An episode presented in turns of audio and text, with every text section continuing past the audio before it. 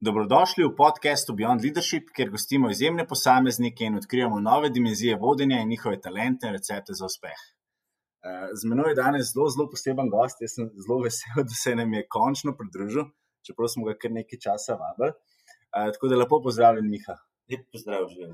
Eh, zdaj, Miha Tamurna, če ga ne poznate v živo, ga boste zelo dobro spoznali skozi naš podcast. Zdaj, da ga zelo na kratko opišem, pa gremo pol v podrobnosti.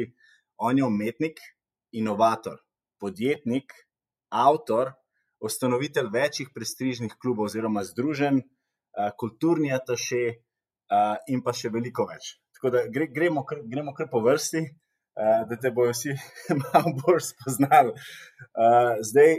Pa bomo začela mogoče pri pr letu 2019, da ne greva tako v preteklost ker že, že tukaj so kar, kar močni, uh, močni dosežki.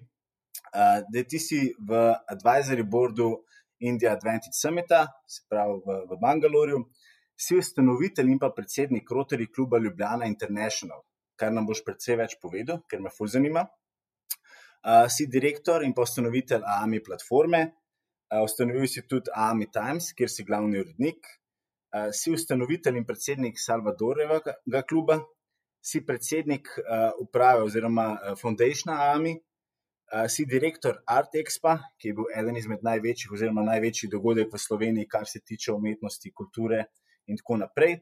Si direktor Megagrafa DO, uh, si ustanovitelj in predsednik Botičeljevega kluba, tudi o tem bomo kaj več zvedeli, zdaj gremo že v Davinčevo šifro. uh, si ustanovitelj, lastnik in pa direktor inštituta Atelier Art Mourn International in pa si predsednik eh, uprave in pa se pravi CEO AMI korporacije. Napisal si tudi pet knjig, si kulturni ataše Kazahstansko-slovenskega poslovnega kluba. Eh, zdaj, tvoje umetnine lahko vidimo eh, od Kitajske, Francije, UK do Kanade, Turčije, Italije, Avstrije, Brazilije, Rusije in pa tudi Arabskih Emiratov.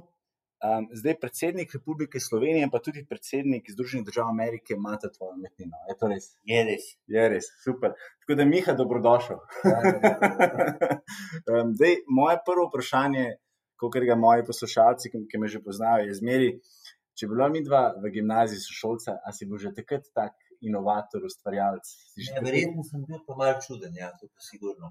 Um, predvsem, predvsem uh, Stvar je v tem, da meni je bilo vedno všeč pač že prej gledati na poslovno pot kot del življenja, ne kot nekaj, kar pride po izobrazbi.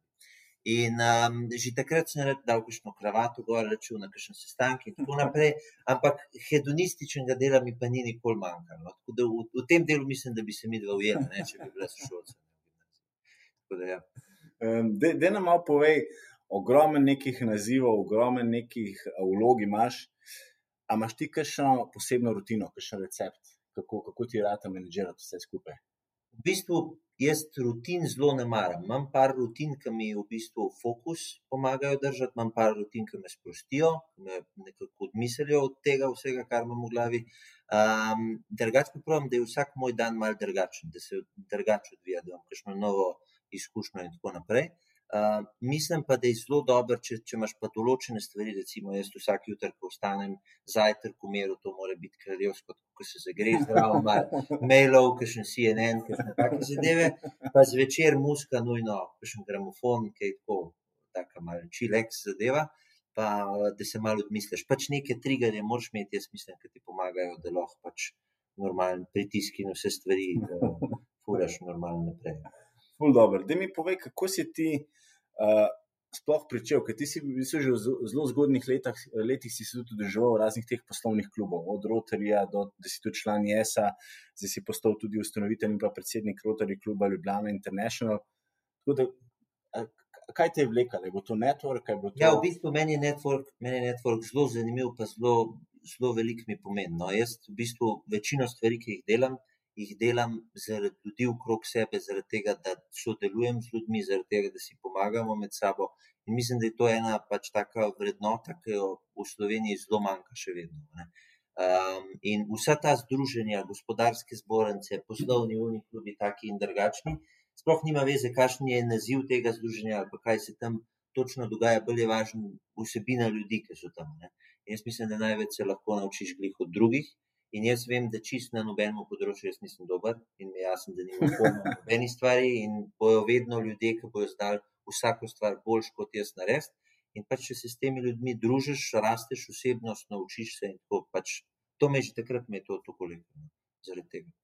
Tukaj se čist strinjam s tabo. Se mi zdi, da danes, tako kot si rekel, tudi jaz ekipo, ki jo imam, sem včasih v sobi najbolj neumna oseba. Ja, se to je redo, to je redu ekipa. To je ponovadi dobro. Ja.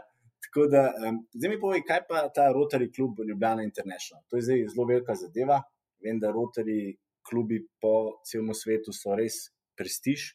Tako da, kako si se za to odločil, oziroma kako si se tega lotil? Jaz sem se v bistvu z Rotarjem kot z družino Rotary Ja, ja. International spoznal kar nekaj let nazaj, nekih 7-8 let nazaj. Uh, in sem uh, bil ta prvi ustanovi, soustanovitelj in pa, in pa predsednik v Rotaract klubu, to je podmladek Rotarja. Uh, potem sem šel v Rotary Zgornji Brnik, uh, sem tudi tam bil član nekaj časa, potem sem bil v Hongkongu, sem veliko sodeloval z Rotarjem. Uh, in pol nekako smo prišli do tega, z tem rotarjanci, ker meni je na splošno filozofija rotarja kot uh, serving community in tako naprej, uh, mi je zanimiva in me pač interesira. Uh, in tle smo se odločili, da rabimo v Sloveniji imeti pa nek mednarodni klub, ki bo pa povezoval predvsem uh, diplomatsko sfero, torej razne častne konzule in veleposlanike, uh, tuje CEO-je in tako naprej, ki so tukaj v Sloveniji za nek določen čas. In v tem mandatu, recimo, ko prijo te uh, tujci sem živeti ne, in delajo pač svoje poslanstvo, um, jim v bistvu nudimo opcijo, da se tudi tukaj tega udeležujejo in da so tukaj zraven pri nekih projektih, ki imajo social impact. Um, potem pa, ko grejo nazaj, pa oni še vedno ostanejo v nekem alumni klubu z nami. Ne.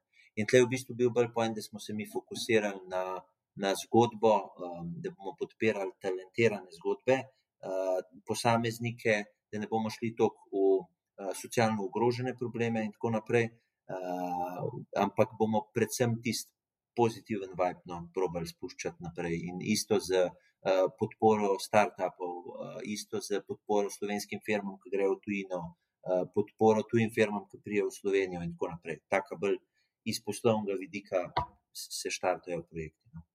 Ful dobro, ful dobro. Zelo, zelo podpiram. Se mi zdi, da takih stvari predvsem manjka, da čim več povezovanja, deljenja znanja, pa delanje nekih dobrih stvari. Deva se malo dotakniti um, AME korporacije. Dej nam opiš, kaj delate, kako delate, da bodo naši poslušalci sploh imeli um, malo pogled. Mislim, tako, AMI kot v štartu, če gremo malo nazaj v peva. jaz sem v bistvu um, AMI postal kot moj atelje. Je bil atelje Art Muren ta prvi, ker sem bil kot mulj in sem v kleti začel svoje slike delati in tako naprej. In potem sem jaz počasi začel te kulturne projekte, se zraven vključevati in tako. In pa sem začel, ker sem začel svoje razstave delati, to je bilo ogromno let nazaj. Uh, sem, v bistvu, sem v bistvu dobil veliko velik raznih vprašanj od, od kolegov, od ljudi, ki sem jih poznal, če bi še njim pomagal, kaj organizirati in tako. In v bistvu mene je začel ta šov tudi zanimati. Ne?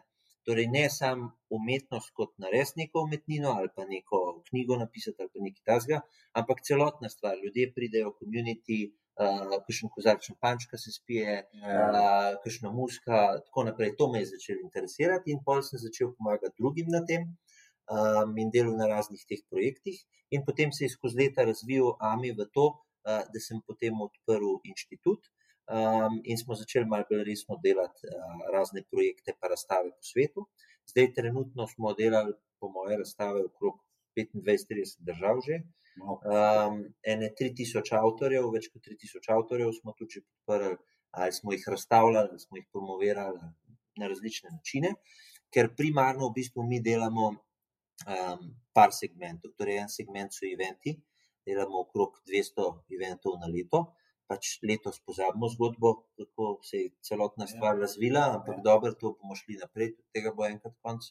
Um, potem imamo segment projektov, to so projekti, ki promovirajo avtorje, kulturne inštitucije, uh, ki kakšne nore ideje probajo, malo bolj, mal bolj ekstravagantne uh, v, v, na trg spraviti. Um, potem, imamo, potem imamo razne storitve, ki jih delamo za, za umetnike in pa za, in pa za kulturno sfero. Um, potem delamo na različnih povezovanjih, imamo dva kluba. Uh, Salvadorjev klub, ki je v bistvu tako odprt javni, um, javni klub za kulturnike, kjer se oni povezujejo med sabo, pa si pomagajo. Uh, na drugi strani dobijo neke bonitete od nas, um, vem, so na določenih projektih, ki so samo za njih odprti in tako. Um, potem pa še Botičelijo klub, ki pa pač poslovni klub, kjer pa probamo v bistvu um, uspešne ljudi iz različnih industrij povezati s kulturo. Ker pač filozofija Amija je v tem, da je treba kulturo bolj povezati z drugimi panogami. Ker kultura sama po sebi, pač, če, če, gledamo, če gledamo, kako ljudje dojemajo kulturo, ni to zdaj več to. Ne? Zato, ker to niso tri slike, ki visijo na steni, ampak je veliko širša zgodba. Ja, ja, ja. In se lahko jim aplicira na karkoli drugega, in, in se lahko uporablja v vseh industrijah, in se lahko vem, najbolj banalne industrije dve povežete s kulturo, um, ki na prvi pogled sploh ne pašete skupaj in lahko nekaj zelo dobrega rade iz tega. Tako da, ja, to, je, to, je bila, to je bila moja želja v bistvu od začetka, plus podpora predvsem umetnikom, ki nimajo možnosti prijeti na trg, ali pa ki, ki nimajo izobrazbe, da pridejo na trg, ali pa ki nimajo poznanstev, denarja, karkoli. Torej, jaz sem pač mnenja, da je treba na trgu vse pokazati, in potem se tudi trg odloči, kaj je dobro, kaj ni dobro, kaj gre naprej. naprej v tujini se to čez mer malo drugače dojema, kot na Balkanu. Recimo, kar delamo v Londonu ali pa v Hongkongu, je neprimerljivo s tukaj. Predvsem reakcija ja. na to, kar delamo. Ne. Ampak logično, se, se vse tudi popravlja, tudi tukaj, tako da jaz, jaz čisto optimističen, da se bo dal kaj narediti iz tega. Kako je pa po tvojem mnenju, kot si ima že nakazal, uh, razumevanje kulture v Sloveniji? A, a znamo ceniti umetnost, ali še zmeraj nismo na tej točki, kot recimo v Hongkongu, Londonu ali pa kakšnih teh? Jaz mislim, da, da mi spoštujemo kulturo Slovenci, da mi, mi cenimo določene te stvari. To, to se jaz ne bojim to. Jaz se bolj bojim tega, da se kultura gleda kot nekaj, kar ne more biti posel. To je problem in to zavira potem ostale, ostale segmente, da ne grejo naprej. Ker v tujini avtomobilska industrija ali pa nepremičnine ali pa ne vem, izdelovanje pohištva ali pa karkoli drugega, je tretiran zelo isto kot kultura, ker se iz tega da tudi posel narediti. Ja, ja. Nam je pa kultura vedno mal. Um, Malo odmaknjeno od tega. No, nočemo, nočemo v isti kož delati z drugimi industrijami. To se zelo pozna in pri uh, delu potem s firmami, in pri uh, dojemanju države, kulture in tako naprej. No. Jaz mislim, da je to ključen problem, ključen mindset, mm -hmm. ki ga je treba malo spremeniti. Zdaj, zaradi tebe bi lahko rekli, da je BTC City postal tudi uh, mesto kulture, mesto umetnosti. Je malo pretiran stavek, ne rečem. Pa mi malo povej, se pravi, tudi Art Expo je en največjih dogodkov, ki povezuje različne umetnike, umetnost, kulturo uh, v Sloveniji. Po štartu si ga 2017, potem 2019 imel že več kot uh, eh, 360 različnih umetnikov. Kako ti je pa to uspelo, kako si se tega lotil? Zdaj, če gre najprej na zgodbo od BTC-ja, um, tukaj je v bistvu tako, je BTC ena izmed redkih firm, takih, ki, ki popolnoma razume, da je treba kulturo tudi podpirati, pa ne samo v smislu jo podpirati finančno in nuditi prostor in tako naprej, ampak tudi razumeti, jo vključevati v svoj, v svoj uh, portfelj, jo vključevati v svoje projekte in tako naprej in s tem neko širšo zgodbo bolj močno delati. Ne. In tukaj so uh, v bistvu prišli. Uh, smo prišli skupaj z BTC-jem že na samem začetku. Um, torej, 2015 smo začeli res, res konkretno delati tudi z Amijem, um, in od takrat naprej so oni naš generalni partner in praktično delamo večino vseh projektov, vseh dogodkov in tako naprej skupaj. In tudi pri Art Expo so bili oni prvi, ki so imeli res odprta ušesa in so slišali to in so videli potencial in so tudi podprli to zgodbo, tako da prvi Expo se je odvil tukaj v BTC-ju, potem smo pa čisti iz logističnih, eh, logističnih razlogov preselili druge Expo na gospodarsko razstavišče. Um, Expo je nek tak dogodek, ki mislim, da ima potencial vključiti širše, širše creative industry panoge noter, ne? vse od oblikovalcev, modnih, industrijskih, grafičnih, slikarjev, kiparjev, um, razne predavanja, razne koncerte in tako naprej. Mislim, da je važno, da imamo en tak dogodek v Sloveniji, zaradi tega, ki, ki, ki daje neko, neko um, možnost, da se kdorkoli želi lahko tam yeah. Ja. predstaviti. In potem, in potem z leti se to seveda veča in tudi segmentira bolj. uh, kje so kakšni razstavljavci, kateri grejo skupaj in tako naprej. Uh, po, po nekih, uh, po nekih uh, merilih, tudi glede kvalitete, in tako naprej. Ne? Ampak to so stvari, ki so na dolgi rok. Jaz zelo ne rad delam stvari iz danes na jutr, pa delam nekaj zaradi tega, da me v jutr nekaj od tega, ker to me res ne zanima. Ampak gledam za 10, 20, 30 let naprej in tako. To, to me najbolj interesira. In tak velik festival, recimo, ko se razvija, rab 5, 6, 7, 8 variacij, mogoče 8 variant, da, da pride do tistega, kar mora biti. Če gledamo po svetu, sejme, ki so vem, 30, 50 in tako naprej. Logično, ne, pa če država da 2 milijona zraven, pa če da mesto 2 milijona, pa če je od sponzorjev 2-3 milijone, pa če je od restauravcev 2-3 milijone, pa če je tam še par milijonov, pa se da nekaj iz tega narediti. Ne. Ja, ja. Dokaj treba prideti. Ne. In to pač pri nam se velikrat ne razume, da je treba nekje štartati. Ne. Najbolj bi bilo, da bi pač kar že, kar že ta prvič naredili tudi tako, kot je v tujini. Zelo morozno. Ja. Počas bo. Zdaj, ena stvar, ki si jo že prej omenil, um, pa sem te jaz pa tudi malo uh, mal dopolnil, je glede ekipe. Ker si že prej rekel, da ti um, se tudi veliko zanašaš na svojo ekipo, imaš izjemno ekipo. Uh, in zdaj, velikrat se tudi tukaj pogovarjamo, um, kako si vodje eh, zbirajo ekipo. Malo nam poj, kaj je bilo te pomembno, ko si si gradil ekipo, uh, ker imaš res top ekipo, no? res super delate. Jaz bom čisto rekel, tle se mi zdi najbolj, najbolj primerno, po moje, da se vsak sam odloči, v katero smer bo orientirana njegova firma. In potem išče ljudi, ki mu znajo tudi to nuditi. Zdaj, marsikdo je lahko zelo dober, uh, v tem, kar dela, ampak mogoče ne paše z vlastno filozofijo v, v firmo. Um, recimo, jaz sem tle vedno bil pristaš old school biznisa, če lahko temu rečemo. Uh mhm. -huh. Torej, to, kar se zmenimo, naredimo to ali več, uh, fair odnosi. Počasi gradimo, ne gremo, da bomo neki na hiter, zdaj pa pol, da dobimo, pa da jutri zapremo, pa spet nekaj drugega odpremo. To, to je pač to, kar je yeah. Ja, zelo ja. modi. Yeah. Ja. Uh, to mene zelo ne zanima. Jaz sem si zato tudi, če lahko tako rečem, zbral veliko ljudi, ki imajo že sive lase in so tudi precej bolj pametni, kot jaz, in mi tudi znajo povedati vnaprej, to ne bo šlo tako, ta ne bo rekel tega, ta ne bo za to. Ampak pej do tega, pa mu reči to. Aha, mesti tega le poklical, bo ta to naredil, bomo to. In s tem, v bistvu, jaz sem si že od začetka probo nek Orang Advisory Board graditi, um, ki mi je pomagal do tega prideti. Um, zraven pa seveda rabiš pa ekipo, ki je pa v drugo smer, odtrgana, nova, ja. razume nove, nove trende, uh, razume, uh, da je treba nekaj narediti, uh, ki je malce bolj ekstravagantno v naši industriji, da je treba nekaj narediti, kar je nekonvencionalno, nekaj, kar mogoče v Sloveniji ni bilo še narejeno, ali pa tako naprej, da bo pil vodo čez tok pa tok časa, ne danes. Ne, ne smeš pa imeti v ekipi, po mojem mnenju, ljudi, ki se, ki se ki gledajo na, na preteklost, pa iščejo nazaj, kaj je bilo, pa, pa v bistvu probajo, kaj drugi zdaj delajo. Ne? Mene nikoli ni zanimalo, kaj drugi delajo. Meni je super, da oni uspejo, jaz z veseljem sodelujem z njimi, jaz z veseljem jim pomagam, če jim lahko. Ampak pa, pa oni delajo, pa na kakšen način oni delajo, me pa res ne zanima. Pač mi delamo svoje. Ja, Mislim, da je to eno. Ja, ja, tako, tako. tako da, ja. Dobro.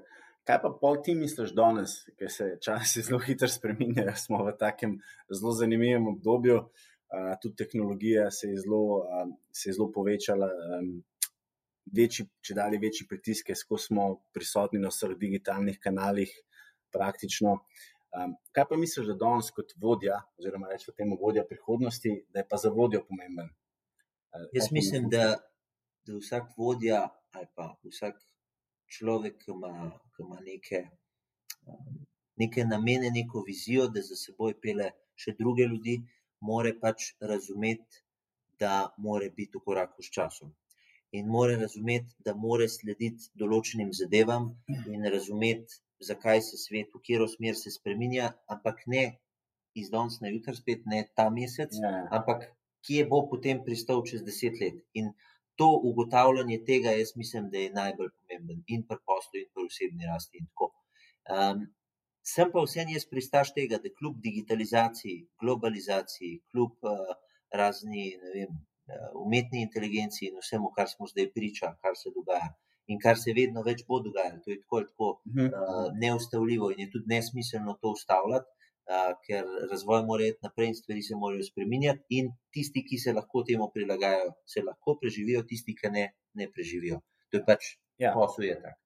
In mislim pa, da vse je pa tle zelo pomemben, da tisti um, osnovn, osnovno vrednoto tega, kar bo pa vedno te odnosi medčloveški, um, kar bo pa vedno ostalo, je pa zelo nujen, da ta voditelj ima, ne glede na to, če bomo vsi samo še v ekrane gledali. Um, to, da se mi dva usedeva na sestanek, pa se nekaj zmenjava, ne bo nikoli isto, kot če mi dva gledava vsak svoj računalnik. Absolutno. to To, to Ja. sigurno. Ja. To, da nas sedi deset v sobi, pa skupaj nekaj naredimo, pa skupaj nekaj razmišljamo, pa se gledamo, pa imamo mimiko, pa uno, pa to, to je čist drug, Absolutno. drug način dojemanja Ja. kot, kot, kot digitalna povezava. ne. Um, plus mislim, da kar se tiče pa predstavljanja raznih zadev, sploh recimo, vem, jaz, ki sem imel te razne predstavitve v tujini, um, oni, oni delajo s tabo, zaradi tega, ker si ti. Lahko pride nekdo drug, pa jim ne bojo kupili to, pa ne bojo del- delali z njim.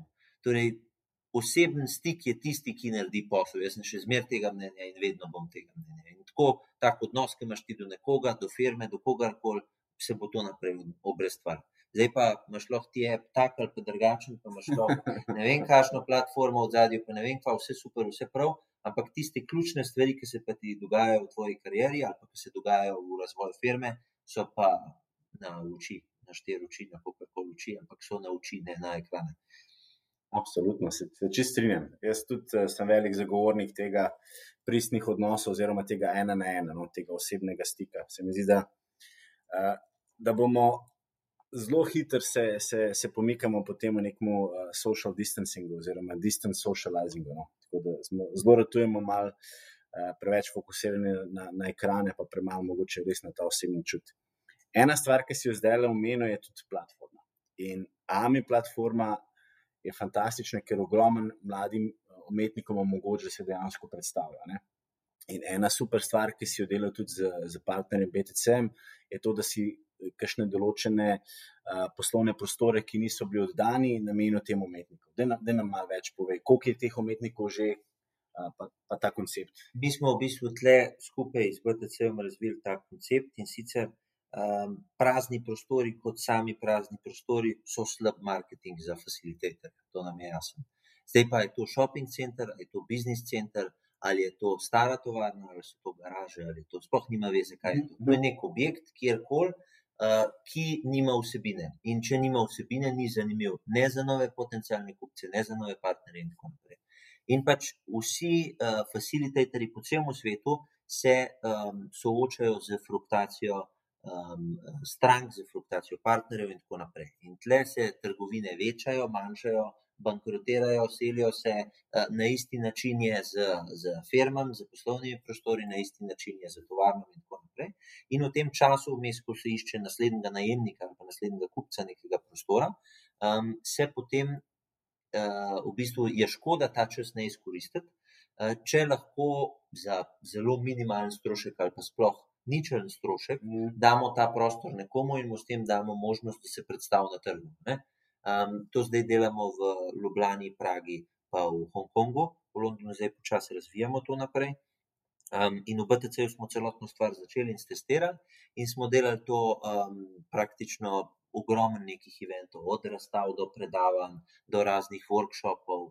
Um, delali smo razne, ne vem, samo vitrine, pa smo jih dajali naprej umetnikom in tako naprej. Pač mislim, da je tle ključno se postaviti, um, si postaviti en tak temelj, da mora biti win-win vedno.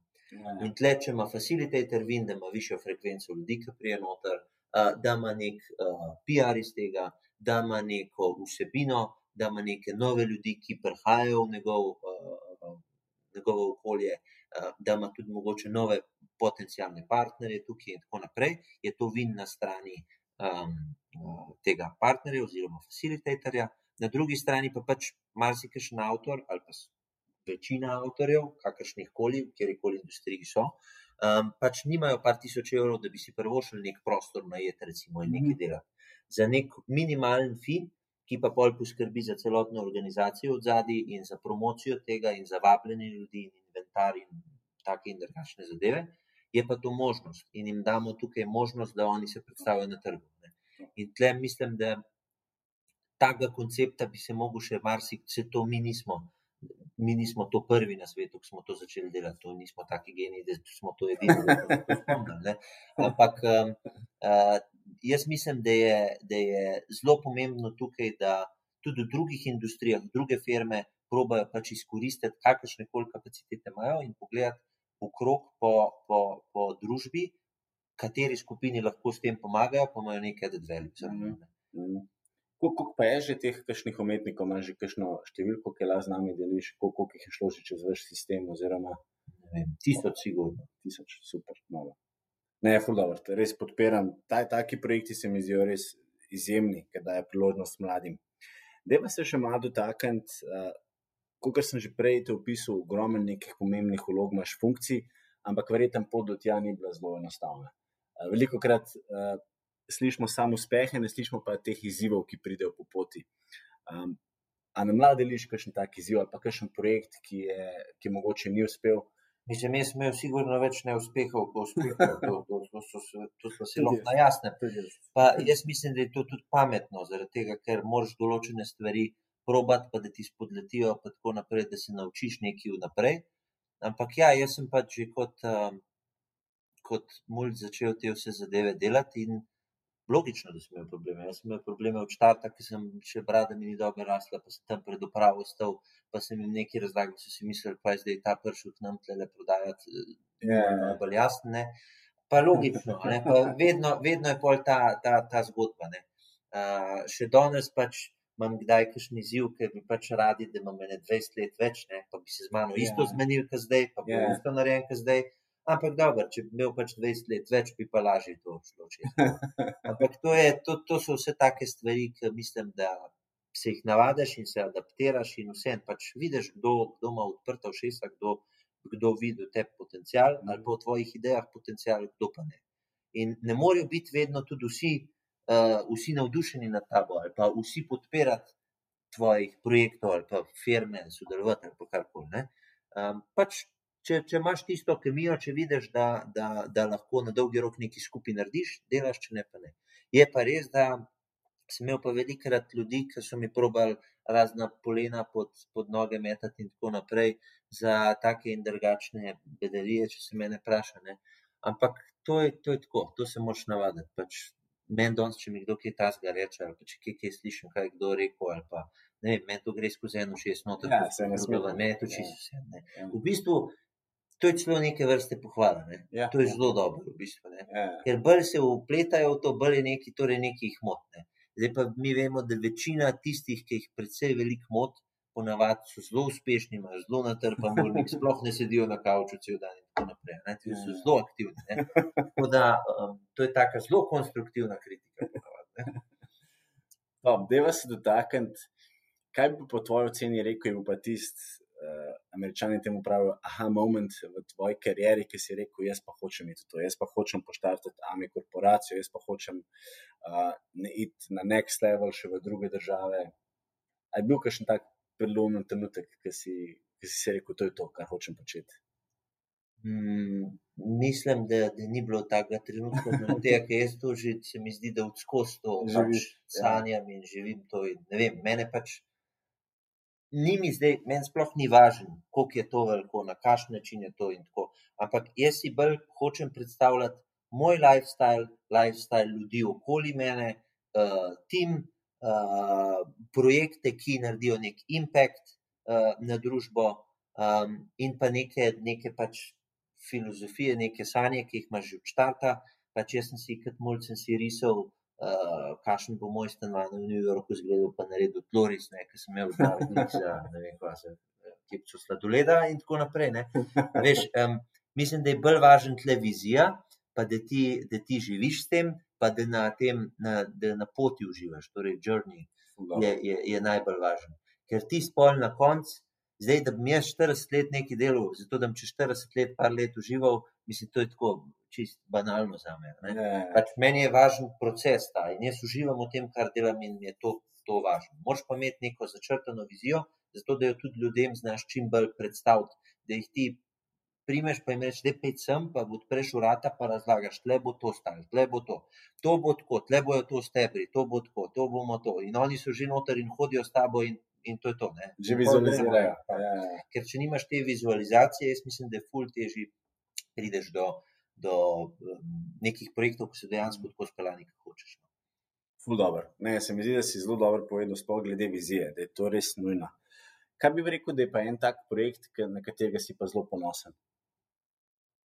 Pa jih je kar veliko, no, ampak kjer je tak, ki mogoče malo izstopa, ali pa bi rekel, to je bilo pa res zelo težko, ampak ne nerate. Um, moram priznati, da recimo, če gledam na Amine, um, prvi projekti, ki smo jih delali recimo v Pragi, ali pa prvi projekti, ki smo jih delali v Hongkongu, so bili zelo gajči iz tega vidika, ker ti priješ na nov trg, uh, skoraj nobenega ne poznaš tam, um, noben se ne odzove na tvoje vabila, uh, ne dobiš sestankov. Uh, težko pre, prepričaš uh, slovenske partnerje, slovenske avtorje, da grejo s tabo.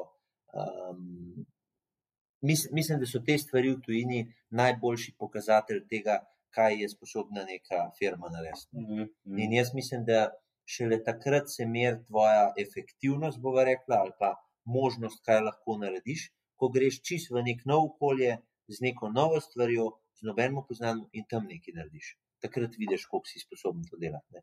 Vsi znamo jeti po imeniku, pa poklicati 15 ljudi, ki jih poznamo že 6 let, pa nekaj narediti skupaj. Ne. To znamo itak vsi. Ampak zdaj pa je kar nekam, čist nekaj na nov delati, je pa, je pa sigurno izziv. Um, moram pa reči, da kar se tiče pa recimo teh raznih poslovnih združenj, pa tako naprej, uh, so mi pa mogoče kakšne take izjemne, izjemne dogodki, ki sem bil kam povabljen, ki so mi dali nek priznanje, ki pač si ne bi recimo sam sebi uh, predstavljal, da bom prišel do tega v tako kratkem času, recimo pa so hitreje videli od zunaj potencial, kot pri nam nekdo. Ja, ja. Tako, tako no. Te stvari mislim, da ti pol dajo. Pa ne zdaj, da te, da te napihnejo ali pa nekaj, da ti dajo neko. Tako. Ja, neko potrditev, pa predvsem to, da se da, da se da tudi na kakšen drugačen način priti do česa. No.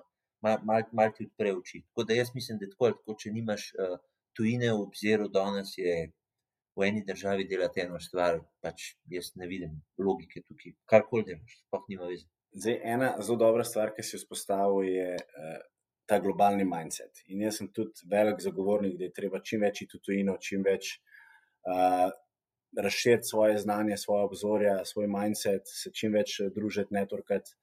Koliko je zate to danes pomembno v poslu? Da dejansko res, da imaš to, uh, ta pogled v tujino, da vidiš, vem, kaj se v drugih uh, državah, kontinentih, kulturah dogaja, in da potem znaš to dejansko tudi v svoj posel pelati. Jaz bi tako rekel, mislim, da network je edina stvar, ki je najbolj pomembna za me v poslu ali pa za nas v poslu. Um, zato, ker kadarkoli smo v kakršni koli situaciji, ki je težka, kadarkoli nekaj ne moremo rešiti, vemo, da lahko z našim networkom vse naredimo. Kadarkoli imamo nek izziv, da se ne znamo sami spoprijeti, isto. In kadarkoli imamo neke nove pristope, in tako naprej, kadarkoli gremo nekaj na nov začeti, spet isto. Um, kar se tiče pa trendov, pa teh stvari, ki se dogajajo v tujini, uh, je pa za me, če se tako malo zdaj, um, uh, če malo pretiravamo, zelo važen gledati iz vidika, kje bomo mi čez to pa tok let. Jaz mislim, da če ti gledaš zdaj neko, ki jo ti kličeš zdaj konkurenco, pa še zdaj več ni tvoja konkurenca, Ja. yeah. ti kot majhen proti tej konkurenci. Um, in probaš se učiti od nje, kaj dela, tu so firme, ki so lahko stare 100-200 let uh, in imajo malo večji backup, kot ga imamo mi, mislim, Ja. precej malo večji. ne. Um, mislim, da tle, tle na dolgi rok potem lahko implementiraš te, te, te pluse v svojo firmo.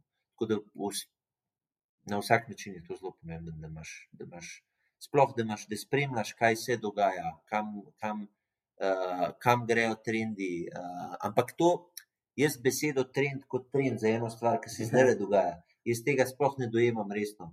Zaradi tega, ker če se mene vpraša, je trend v poslovnem svetu zanimiv, zato da zdaj le fino zaslužiš, pa pa trend pade, pa pač se nekaj drugega spomniš, da si Ja, sploh ja, fino ja. zaslužiš. ne. Um, v kulturi so pa mogoče, do- tle je mogoče malo razlika, so pa določene stvari, ki imajo pač zelo long term, um, zelo long term sistem in pač se gradijo leta in leta, da pride do tega. In tudi določene stvari se niso spremenile zadnjih 500 let. Ja, In se tudi ne bojo iz danes na jutra. Pač imamo še tako tehnologijo, pa ne vem kva, ker pač se ne dajo nadomestiti drugačno. Zdaj, eh, en skupaj imenovalec, mi dva mala in tudi ko smo se spoznali, in sicer BTC. Tudi meni je do BTC ogromen uh, in tam sem tudi štiri leta preživel. In eden izmed mojih mentorjev je bil uh, tudi Damien Kralj. In vem, da imaš ti tudi uh, kar lepe spomine, oziroma kontakte in, in strateško partnerstvo. Uh, bi se pa dotaknil mentorstva. Ti si tudi bil uh, del uh, inštituta Y, se pravi njihovega mentorskega programa. Kako je zate, in tudi prej si že omenil, da si se obdal z advisory boardom že pri mladih letih, kako je zate pomembno, da imaš ob sebi mentorje oziroma posameznike, ki ti pomagajo, ki te spodbujajo? Ja, zelo se mislim, da je to za vsakega pomemben, ki hoče nekaj več narediti od, od, od nekega majhnega projekta ali pa nekaj. Zaradi tega, ker enostavno, um, če hitreje rasteš, kot lahko dojemaš to rast, rabiš nekoga, da ti uh, sugestira, kaj delati, kako delati in tako naprej. Um, in tukaj, ki si recimo omenil BTC, meni recimo tudi Damjan, uh, Damjan Kralj od, od začetka stoji ob stran. Uh, še pred njim tudi um, Jože Mermal in Helena Petrin. Uh, oni trije so v bistvu videli res potencial in so ami um, res videli kot neko zgodbo, ki lahko v družbo tudi prinese nekaj dobrega, plus da v BTC-ju dodamo še več kulturnih vsebin.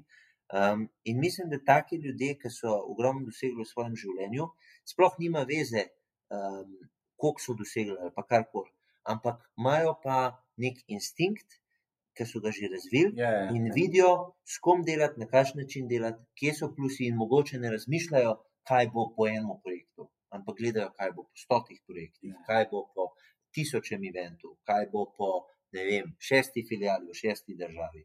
Um, mislim, da se moraš s takimi ljudmi obdati, ki so vizionari in razumejo to za naprej.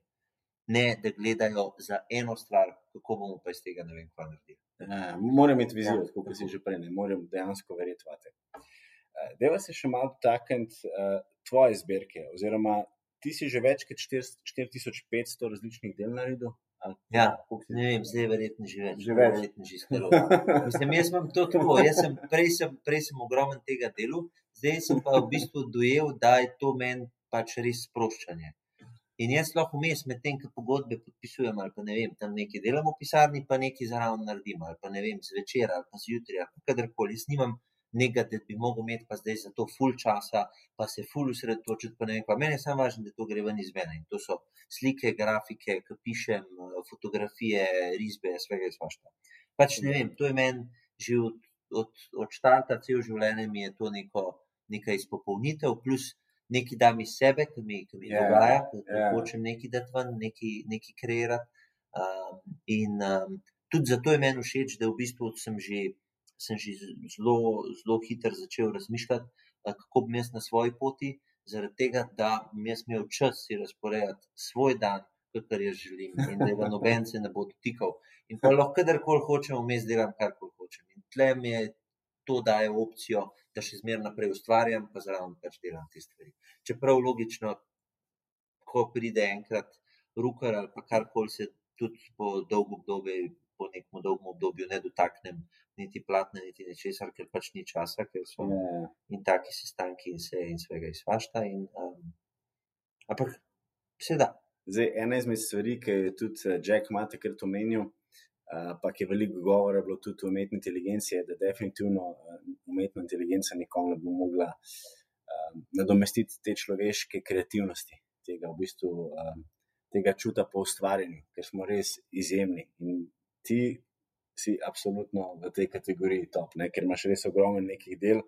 In kot sem že na začetku omenila, tvoji dve deli imate tudi eh, predsednik eh, Republike Slovenije in pa predsednik Združenih držav Amerike. Da nam povej, kako je, kako je do tega prišlo. Oziroma, kaj, kaj si ima podaril. Uh, v bistvu, um, v bistvu uh, to, je, to, je bilo, to je bilo, mislim, da, da za našega predsednika je bilo preko, preko enega sprejema, uh, je dobil sliko. Um, za v Ameriko so pa v bistvu šle grafike za vsoho, za, v, za v hotele, uh, še preden je bil predsednik. Um, to, drugače pa je- jaz mislim, da tle ni zelo važno, kdo ima tvoje slike. pa tako naprej. Ja, ok, uh, pustimo mi PR-ovsko pa te zadeve, ampak je bolj važno, da imajo slike ljudi, ki jih znajo ceniti, pa ki razumejo v zadnje. Zdaj, pri umetnosti je to zelo lahko abstraktno. Ja, ja. Lahko imamo mi dva eno sliko, vse oba veva, kako ljudje dojemajo. Uh, večina ljudi dojema umetnost, mi imamo eno packo na sliki in to je zdaj vreden 130 milijonov. Ne. Zdaj, iz katerega vidika je lahko to vredno 130 milijonov, v kjer koli drugi industriji, pa neka stvar, če ne moreš dokazati, kako je narejena, s kakšno tradicijo, ono to, bla, bla, bla, ne, ne more biti to koredno. Ja, In zdaj tukaj je vedno tisti kreš, bomo rekli, med ljudmi, ki kulturo gledajo iz uh, ekonomskega vidika. Pač mi dva, če greva kupiti zdaj le ne vem, neko um, Coca-Colo, recimo v trgovino, ne, za njo ne bova plačala 100 evrov. ne. Zaradi tega, ker pač flaša Coca-Cola ne more biti 100 evrov, ne, pa če je še Ja. tako draga. Ne. Ja, ja. Pač 20 bova še dala, pa se nam zdelo malo veliko, ampak 100 pa res nova dala. Ne. Um, težko bova pa, težko bova pa pri umetnosti to tako gledala. Um, in mislim, da tle, tle, tle je bolj važno, da ti najdeš kupce, pa zbiratelje, ki razumejo celo tvojo zgodbo. Ne? ne zato, da ti lahko rečeš, da imaš tam sliko ali pa da ne vem. Mm. ne. To nima nobene veze. In tisti ljudje, ki tudi cenijo, ki naprej razložijo, ki nekdo prije k njim, pa jim pokažejo, pol, to je pa od tega, pa tega, to je pa to, pa to, pa imaš neko navezo, še osebno s temi ljudmi, to je čisto druga stvar. In to je tisto, kar je važno. Jaz velikrat imam tudi težavo, kakšno sliko dati od sebe, ker pač bodva realna, lepo ali pa grdo, jo nekomu pač glih najraje ne bi dal, ne? ali pa prodal, ne? ali pa karkoli, Ja, ja. nima veze. Ne? Ja. Tako da ja, to je malo. Da mi povej, koliko pa je po tvojem mnenju zbirateljstvo v Sloveniji že razvito? Vem, vem da bet, oba veva, da Betic ima zelo, zelo močno um, zbirko. Kako je pa nasploh v Sloveniji s tem? Um, ja, BTC pa rečemo, uh, uh, gospod Normal kot pač mecen sam po sebi, pa recimo, da je še tri, štiri. Tri, štiri taki um, na vodilnih pozicijah, recimo, da resno zbirko gradijo v Sloveniji. Um, takih manjših zbirateljev, bi rekel, da jih lahko naštejemo tako, mogoče 50, kaj tasga. Um, Drugač pa to je zelo tono.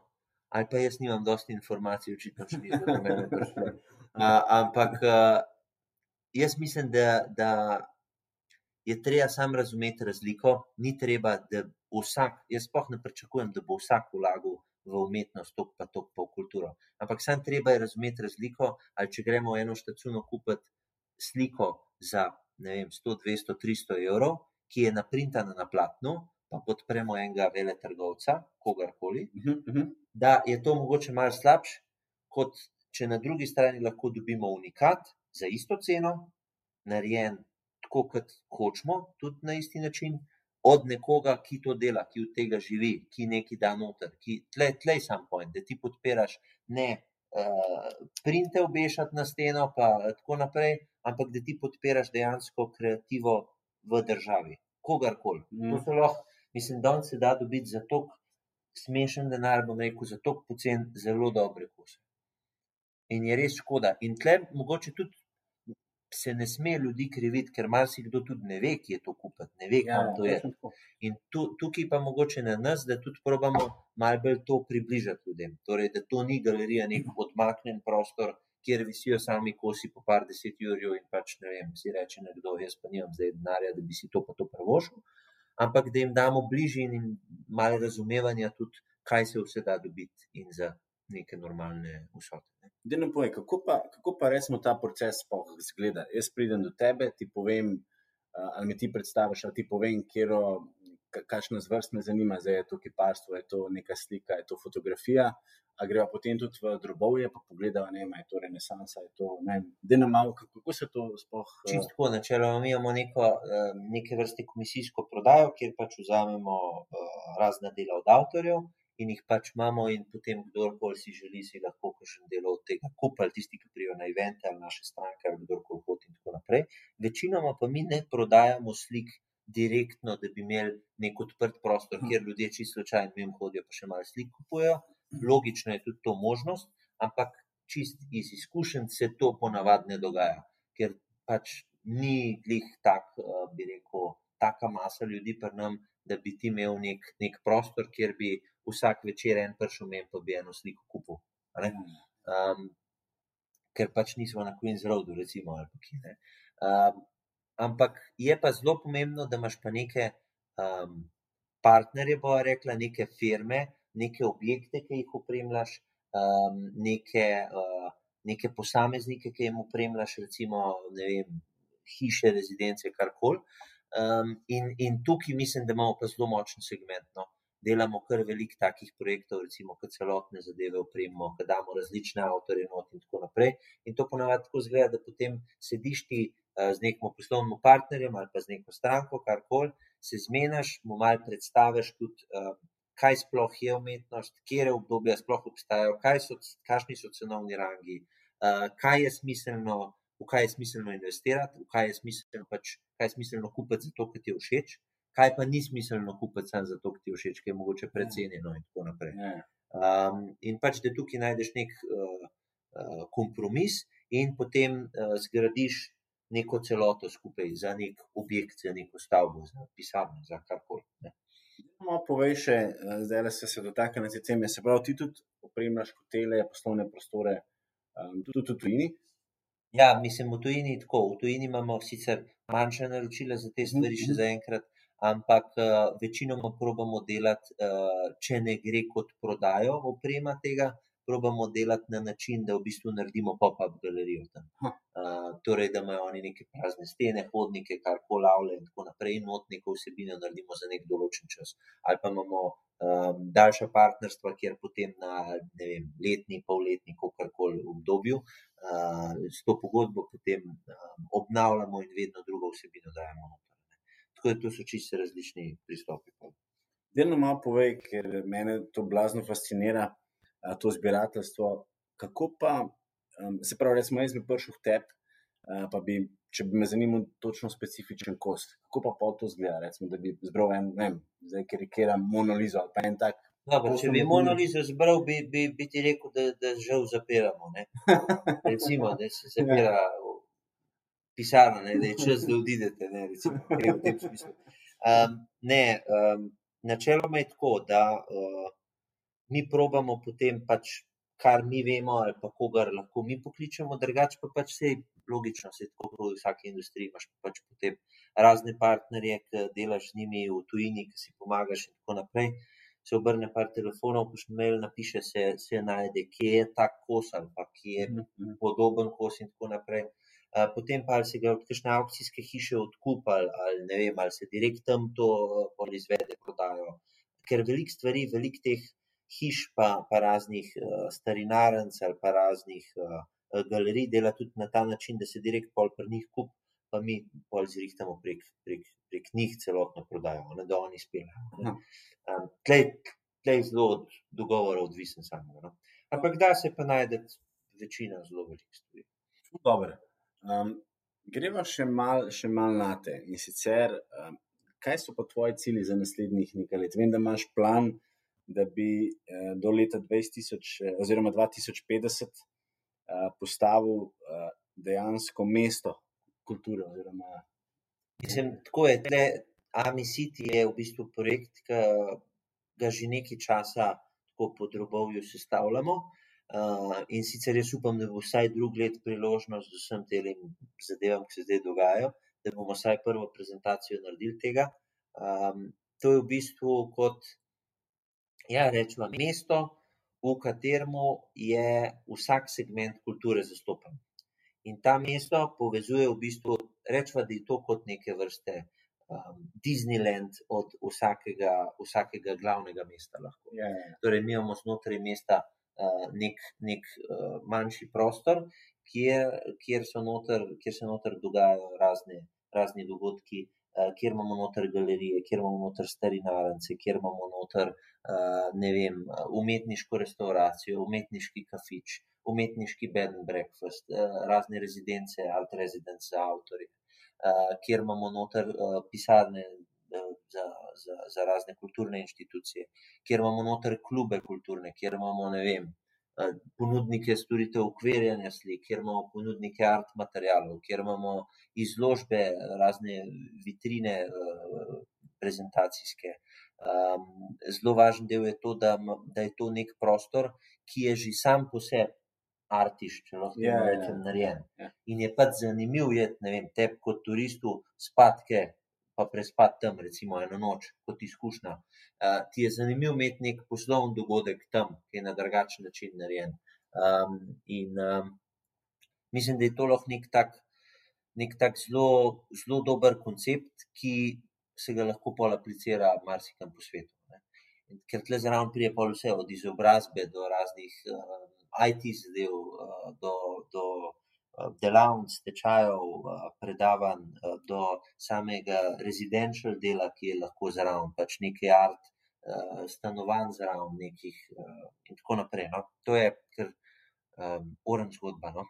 In definitivno, ker smo se že prej pogovarjali o viziji in o velikih vodih, da, da imajo, da imate vizijo, je to tvoja vizija, ki bi jo rad. eh, Ja, pač to je tako. To, je, to mi je štart, tle bi rad v, v bistvu z prvim mami sitijom pokazal, na kakšen način tudi v fizični obliki vsa naša platforma deluje, uh, vse entitete, kako delujejo, kako se povezujejo z raznimi industrijami in tako naprej. Torej, da ti greš dobesedno iz ene hiše v drugo hišo in veš v tisti hiši, kako se tle dela, zakaj se tam tako dela in da celotno stvar bolj razumeš. In potem bomo še koga pripeljali s tujine, malo pogledati te zadeve, in bomo še kje drugje, kakšno tako zadevo naredili. In pač cilj mi je, da ko se par teh, par teh uh, sitijev postavi, da, uh, da se potem naredi pa um, Ami Towers, ki, bo pa, uh, ki bojo pa v bistvu pilari uh, kulture Amija, nekaj v tem smislu. No? Top, dobro. Jaz, jaz se že veselim, da bomo lahko videli prvo prezentacijo. Eh, Da mi povej, ti si tudi kulturni ataše kazahstansko-slovenskega poslovnega kluba. Ja. Kako je do tega prišlo in kaj v zdaj ta vloga pomeni? V bistvu je do tega prišlo tako, da smo z, z njimi sodelovali, da smo um, uh, veliko imeli kontakta z, z, z kazahstansko, uh, kazahstanskim veleposlaništvom na Dunaju uh, in pa v Sloveniji z tem klubom. Um, in potem smo začeli pač na parih dogodkih delati skupaj, in je tako prišlo do tega, da probamo si pomagati in povezati države med sabo. tako. Tako da ja. Dobar, top. Zelo zanimiva uh, vloga. um, deva, deva se še malo dotakniti uh, na tvoj stil vodenja. Zdaj, uh, verjetno si v, v mlajših letih, uh, napram zdaj, ko imaš že večje in pomembnejše funkcije, tudi kot vodja, verjetno svoj stil malo spremenil. Oziroma, a si ga spremenil in kako si ga spremenil? Sem. Ja, jaz mislim, da sem se začel zavedati, da je zelo, zelo, zelo važno, najbolj važno, da poslušaš druge, da vprašaš za mnenje, ampak na koncu moraš odločiti sam, pa sam narediti tisto, kar ti misliš. In to bi si že prej povedal, mogoče za nazaj, da mogoče nisem tako, uh, kako naj rečem. Mogoče, da sem malo bolj egoističen do, do, do določenih stvari. Zaradi tega, ker jaz mislim, da veliko ljudi išče predvsem uh, interese zase um, in ne gledajo na širšo zgodbo tukaj. Sicer pol najdeš, časoma najdeš ljudi, ki veš, Ja, zakaj jih imaš v imeniku prej shranjene kot druge, ne, če lahko tako rečem. Ampak um, mislim, da je treba, če hočeš nekam prodreti, zelo res um, sem, sam sebi dati jasno vedeti, da pač imaš prav in da greš v to smer in ne glede na vse. In marsikdaj te lahko marsikdo proba uh, pač tako tako na take in drugačne načine. Um, z negativizmom ali pa s čemorkoli pač nekako prizemljiti na tla. Um, kar je fajn, da si tako prizemljen na tleh, da pač glih čist ne odletiš, ne, da ne, Ja, ja. ne splava vse uh, kar nekam v zrak, ampak uh, rabiš pa imeti to, da imaš ti svojo vizijo, svoj pogled in da pač se ne oziraš na, na, na druge stvari in pač to naprej peleš. In je še tako težko, je še tako lažje, če bi nekaj drugega naredil. Ne, ti to delaš, zaradi tega, ker si to odločil z nekim namenom. In um, mislim, da s tem tudi spremeniš pol, pol način vodenja ali pa način komunikacije, predvsem s, s timi ali pa tako naprej. Um, mi, mislim, da moš tudi tako gledati, da nikoli svoje avtoritete ne pokažeš, dokler ni treba. Dejansko, da se vsi počutijo na ta način. Mislim, ti moraš biti pač ljudski človek, če želiš, da, da to funkcionira na dolgi rok. No. Meni me, men se zdi, da vsi, vsi ostali pristopi ne, ne pijejo vode na dolgi rok. strinjam in, in popolnoma se mi zdi, ne, ne. Se mi zdi, da danes je treba res zaposlenim dati čim več moči, se pravi, opolnomočiti zaupanja, eh, transparentnost in se čim več pogovarjati.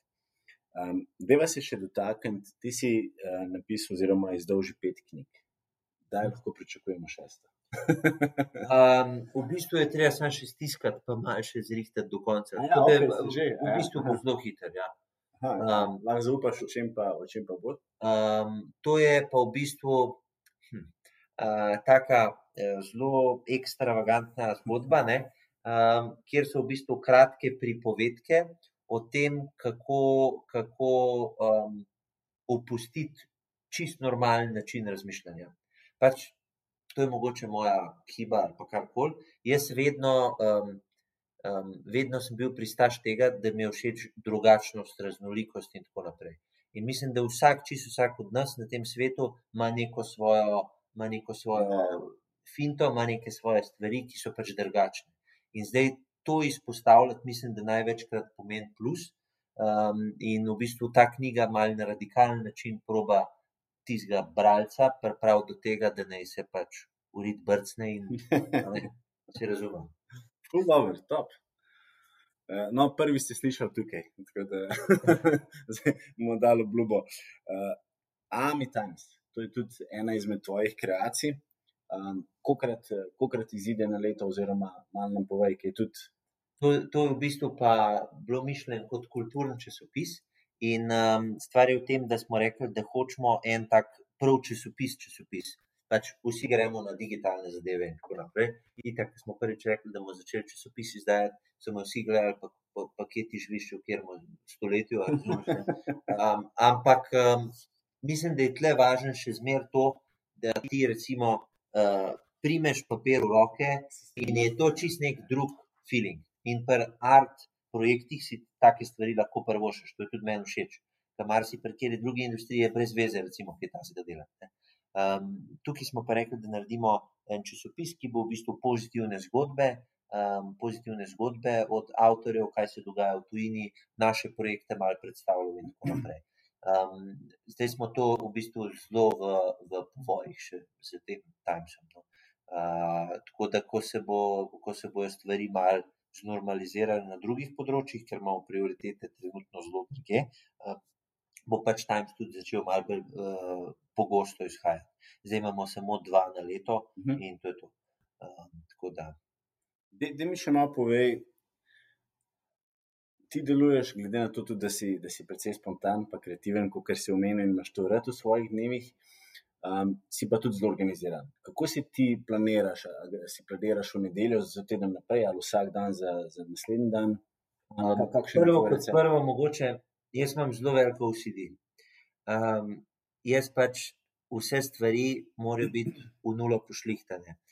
In, in to, je, to, to pomeni, da v stanovanju, kjerkoli v pisarni, na računalniku, v avtu, v predalu, kjerkoli mora biti pač pod točno določenim kotom, točno tista stvar, točno tako obrnjena. Ja, ja. In pač, ki jo jaz primem in jo vzamem, jo dam točno tako nazaj. In ker eno datoteko spustimo eno mapo, točno vemo, kje mapo, pa jo najdemo v eni sekundi. To mi je najbolj važno meni in to, me tudi, to mi tudi ohranja logiko, da potem lahko delam ne vem, na šestih različnih stvarih naenkrat, pa vem, za kva se kaj gre. Ja, ja. Drugače bi bil tako ali tako izgubljen brez tega sistema. Um, po drugi strani pa, če bi tako rekel, da si v nedeljo za naprej splaniram za naslednji teden, ne bi šlo zaradi tega, ker ponavadi imam že dve nedelje nazaj, pol na teden. planira. Ja. Um, ampak ne planiram si čisto vse sam, ponavadi kar pride, ko odpiram, pa gledam, aha, kva imam pa to, zakva pa to, kdo je pa to. Pač ponavadi imam že vnaprej zelo veliko nekih stvari noter v urniku, pripravljenih, in potem pa sprašujem, kva imam to in probam nekako reducirati, ali to rabimo, ali to je zdaj nujno, ali to predstavimo in tako. Um, probam si pa vsekakor v bistvu um, držati načela, uh, ker sem ga tudi od enega um, v bistvu zelo, zelo dobrega svetovalca, od Damija, v bistvu uh, enega advisorja pobral. In sicer, uh, kar je nujno, ne naredi danes, kar bo pa nujno čez deset let, pač kar je nujno, lahko narediš jutri, ne? kar je pa nujno čez deset let, pa deli danes. Ne?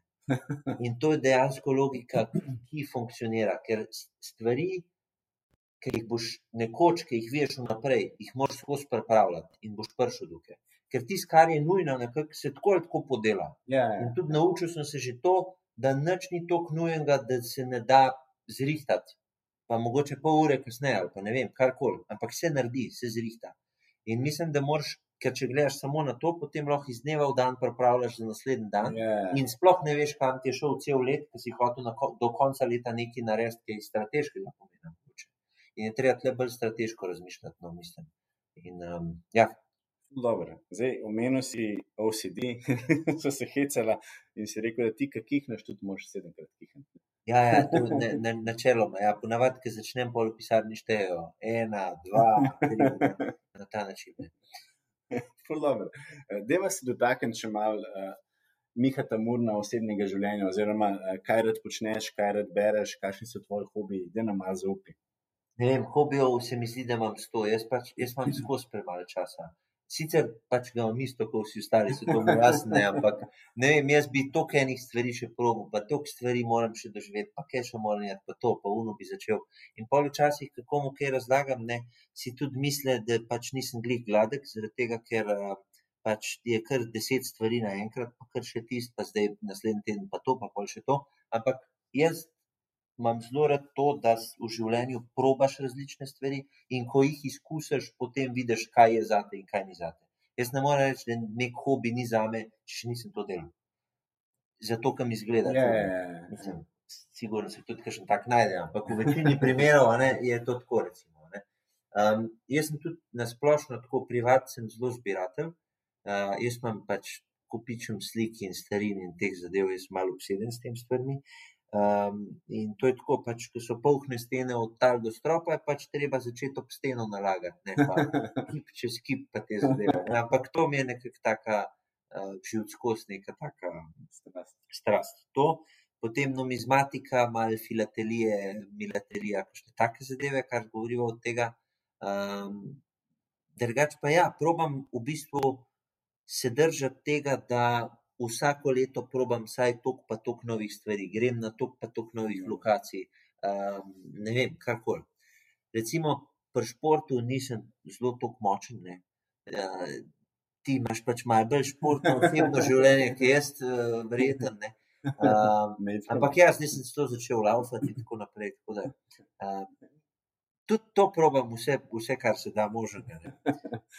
Kaj pa, kakšna serija, pa kakšna knjiga, ki si jo prebral? v kratkem? Zdaj, tako, če sva zelo iskrena, tle pri serijah um, je tako, da uh, ponavadi se jih kar mal ne upam začeti gledati, ker jaz imam zelo težavo, ker mi pol neki zagrab, če je dober. In potem pač sem do šestih zjutraj po koncu in jaz gledam tistih deset serij, razumeš, ki je totalno nečloveško. Um, in to ni za me. In pol se pa počutim butas, ker sem deset ur stran vrgel totalno neproduktivno. Ja, ja, In ja. pa sem tako jezen na to serijo, da ne vem, koliko cajt naj gledam nobene serije. Um, ja, načeloma, če bi izbiral recimo House of Cards ali pa Crown, mi je uh, top. Um, drugač pa jaz nisem nek tak pristaš. Jaz imam rajš imam film, da ga pogledam, pa da je konc, pa da se začne, pa da se konča, pa da veš, zakaj si ga gledal, pa da ima nek mesič. Ne govorimo o nekih tipičnih hollywoodskih Ja. filmih, ampak o nekih filmih, ki imajo malo več vsebine ali pa so malo bolj artistični ali pa tako. To mi je zelo všeč, recimo. Plus, da razumem, ne, ker če gledam tri, štiri uh, sezone nečesa, pa na koncu ne vem, zakaj se gre, ne vem, kva bi si naredil, ne, ker to sploh Ja, ne ja. naredil. Ne. To bi čisto novo. Ne. Tako da to ni za me, no, se raj ne dotikam teh stvari prav zelo. Um, zdaj, ki sem te vprašal, tvoj najljubši citat, um, si pa izpostavil enega, ki je res fantastičen. Da prosim, prosim del z nami. Ja, to je pa od uh, Margaret Thatcher in sicer uh, Watch your thoughts, for they will become actions. Watch your actions, for they will become habits. Watch your habits, for they will for, uh, forge your character. Watch your character, for it will make your destiny. Torej, pač jaz No. mislim, da je zelo, da je zelo pomemben, da v mislih ti gledaš pozitivno na stvari in pač si vizualiziraš to, kar imaš. In si ne delaš problemov vnaprej nepotrebnih, ker je brez veze. Ker problemi bojo itak prišli.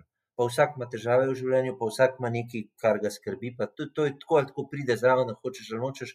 Tako da bi si to naprej delal na nek uh, paket rezervni je čist brez veze. Ja. In meni se zdi totalno butast, včasih, včasih preti- pretiravam s tem. Ker mi kdo reče, pa bi malo pomislil človek na tole, pa tole. Recimo, ne. um, ampak jaz probam res vse gledati tako, ne vem, v tej smeri, kot, kot je bolj smiselno, bolj pozitivno za me, kot gre bolj z mojo vizijo skupaj. Um, zdaj pa iskati nekaj, kaj vse bi lahko šlo na robe, pa totalno brez veze. In s tem potem tudi um, z mislimi tudi sam sebi omogočaš, a boš ti nasmejan čez dan, a boš ti slabe volje čez dan, a boš naslednji dan spet slabe volje, a boš spet slabe volje čez tri dni in tako naprej. In od tega nima noben nič, ne ti, ne ljudje okoli tebe. Ne. Tako da mislim, da to, kar ti razmišljaš, kar se ti plete v glavi, je bolj pomembno od marsičesa. Ja. Zdaj, ena izmed stvari, ki si jo pa tudi izpostavil, in sicer, eh, ko sem te vprašal, eh, kakšen podjetnik, ki bi ga eh, izpostavil in izstopil, in si omenil Jack Ma. Zakaj? Mislim, teh podjetnikov je ogromno. Mislim, ja, Pač, itak. eh, Jack Ma mi je v bistvu um, tako ali tako, vsi ga poznamo, pa je neka vel, velika figura. pa Tako naprej, ampak sploh nima to veze, zdaj a je on naredil malo več firmo, on malo manjšo, a je on tako korporacijo ali tako. Ampak se mi zdi, da je bolj to važen, da je on imel toliko vizualizirane stvari, da je vedel vnaprej, ki bo investitorja za dvakrat več, je rekel, ne, ne, ne rabim to, kar denar vzem nazaj. Bom jaz manj vzel od tebe, ker rabim sam to, pa prišla do tega. A veš, on je imel Ja. to vse zvizualiziran in on uh, in pač njemu podobnih par, par kalibrov, uh, mislim, da so taki, ki lahko z samo vizualizacijo tega, kar bo čez 30 let, kadarkoli, pridejo do istega rezultata. Kot nekdo, ki v to uloži lahko petkrat več dela, recimo, pa ne pride do tega. Pa Mhm. Mislim, da je to zelo pomembno. No. Ker če sem se kaj naučil, je to, da ni važno samo, koliko časa delaš, ampak da delaš s pametjo, pa da razmišljaš zraven, kaj delaš. Ker pač na začetku logično, ko začneš, vzameš vse, čim se da, karkoli in tako naprej. Pol pa z leti začneš malo razmišljati, kaj je smiselno delati, kaj rabiš delati, kaj ti več časa vzame kot kaj drugega in tako naprej. In včasih za kakšno stvar sem zdaj po dolgem času sicer to pogrunil, da je tudi bolj, da rečeš ne, da znaš reči ne, da to ne Ja. bomo delali, to ne znam, to ne bi, daš naprej kontakte, priporočiš in tako naprej. Um, zato, ker začneš veliko bolj ceniti svoj čas. In pač ta svoj čas, v karkoli ga vložiš, ga lahko v veliko stvari bolj koristno vložiš, kot da bi delal nekaj, kar ti ne prinaša neke added value. Se strinjam. Zdaj, če prepeljemo na en pogovor do zaključka, eh, mi imamo kar, kar lepo eh, število poslušalcev, med njimi um, tudi direktori, predsedniki uprav, ogromno študentov, mladi podjetniki. Kaj bi bili pa tvoji trije nauki uh, za naše poslušalce, ki bi jih uh, izpostavil? Rekel bi mogoče, da, da si treba pač življenje urediti sam, da ti ga noben ne bo pomagal urediti, in da moraš uživati življenje svoj sam. In kdorkoli ti bo kreiral življenje, da zgleda, da ti bo kreiral življenje, ti ga ne bo. Sam, sam si ga boš. To mislim, da veliko pozabimo. Pač dejansko, da sam si odgovoren za vse in sam moraš si postaviti stvari tako, kot jih hočeš imeti. Drugače jih nimaš in jih nikoli ne boš imel. Um, mogoče to, da pač da se nikoli ne posluša drugih, ampak se jih vedno vpraša za nasvet. Uh, Odloči se pa pol na koncu sam. Uh, plus tukaj je zelo dobro, zaradi tega, ker pol ne moreš nikoli učitati Ja, nobenemu drugemu za karkoli. ja, Pač moraš sprejeti neke odločitve in če se tako odločiš, ne glede na to, kaj ti drugi rečejo, tako bomo delali in to je to. In tudi, ker se kaj zalom pol, veš, kdo se je to odločil in veš, zakaj se naslednjič ne boš tako odločil. Um, plus to, da, da, um, da se ne dela stvari za na kratki rok, ampak da se razmišlja, ne kako bom naslednji mesec zaslužil za to, ali pa kako bom naslednji mesec naredil to, um, kaj vidim, da bo čez štiri mesece, pa ne vem, pa, ampak da se razmišlja, da si svoje življenje predstavljaš.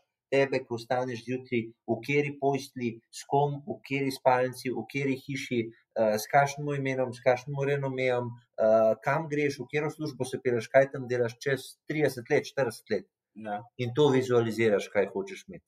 Ne?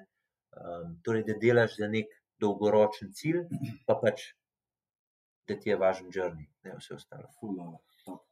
A, Zdaj z nami je bil eh, še enkrat izjemen eh, Miha Murn, umetnik, inovator, podjetnik, avtor večjih knjig, ustanovitelj večjih prestižnih klubov oziroma združen, kulturni etaše Kazahstansko-slovenskega poslovnega kluba, tudi predsednik uprave in pa direktor. Tako da, Miha, jaz bi se ti še enkrat zahvalil um, za tvoj čas, za tvoje izjemne poglede na svete, razmišljanja. Vem da, bo, vem, da bo ogromen naših poslušalcev dobil res lepo darilo mislim, sigurno lahko tako, ki je bolj pametnega slišal kot mene, ampak pač kar lahko dam, lahko dam. Tudi res hvala, Miha. Hvala, enako.